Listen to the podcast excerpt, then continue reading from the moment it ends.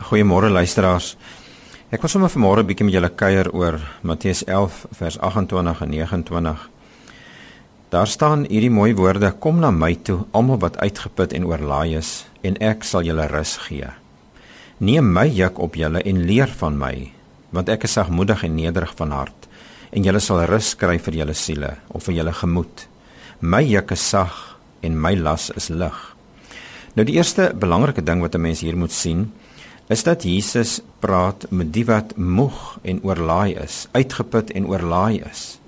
Nou dit kan op 'n fisiese vlak wees, maar dit kan ook emosioneel wees, dit kan ook geestelik wees.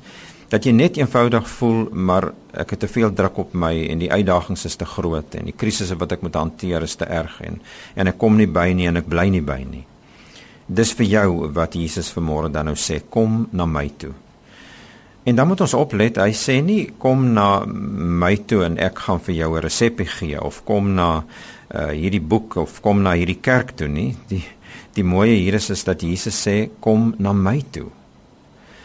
Die Jesus van wie Filippense 2 sê dat hy die naam bo alle name het.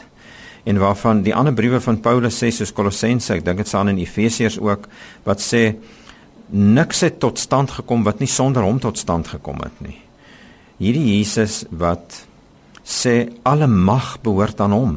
Hy is die een wat sê kom na my toe. Ek wil vir jou help. Ek wil vir jou 'n juk gee wat lig is en wat sag is. So kom ons kies vir môre weer om na hom toe te kom.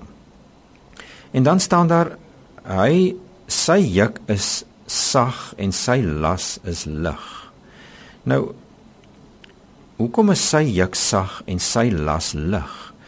Want dit wat hy in my lewe en jou lewe tot stand wil laat kom en waarmee hy vir ons wil help.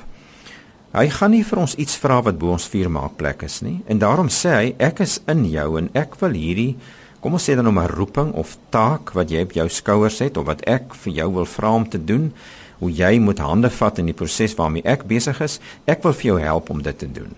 Ek wil dit eintlik deur jou doen. So 'n mens sou vir mekaar kon sê as jy nie rus het As jy nie vrede en kalmte het nie, as jy nie lewensvervulling het in dit wat jy doen nie, as dit vir jou voel jy het nie rus nie, dan wil ek sê jy's met die verkeerde juk besig. Dan moet jy na die Here toe gaan vra, gaan en vir hom vra dat hy vir jou sal help. Is jy nie besig met 'n selfsugtige ding of 'n eie poging om hom te behaag in plaas van om te doen wat hy wil hê jy moet doen nie? En wat wil hy jy moet jy doen? Jy moet aan hom vashou, hom vertrou, in hom glo en dan gaan hy sy lewe deur jou laat vloei. Sy juk is sag en sy las is lig.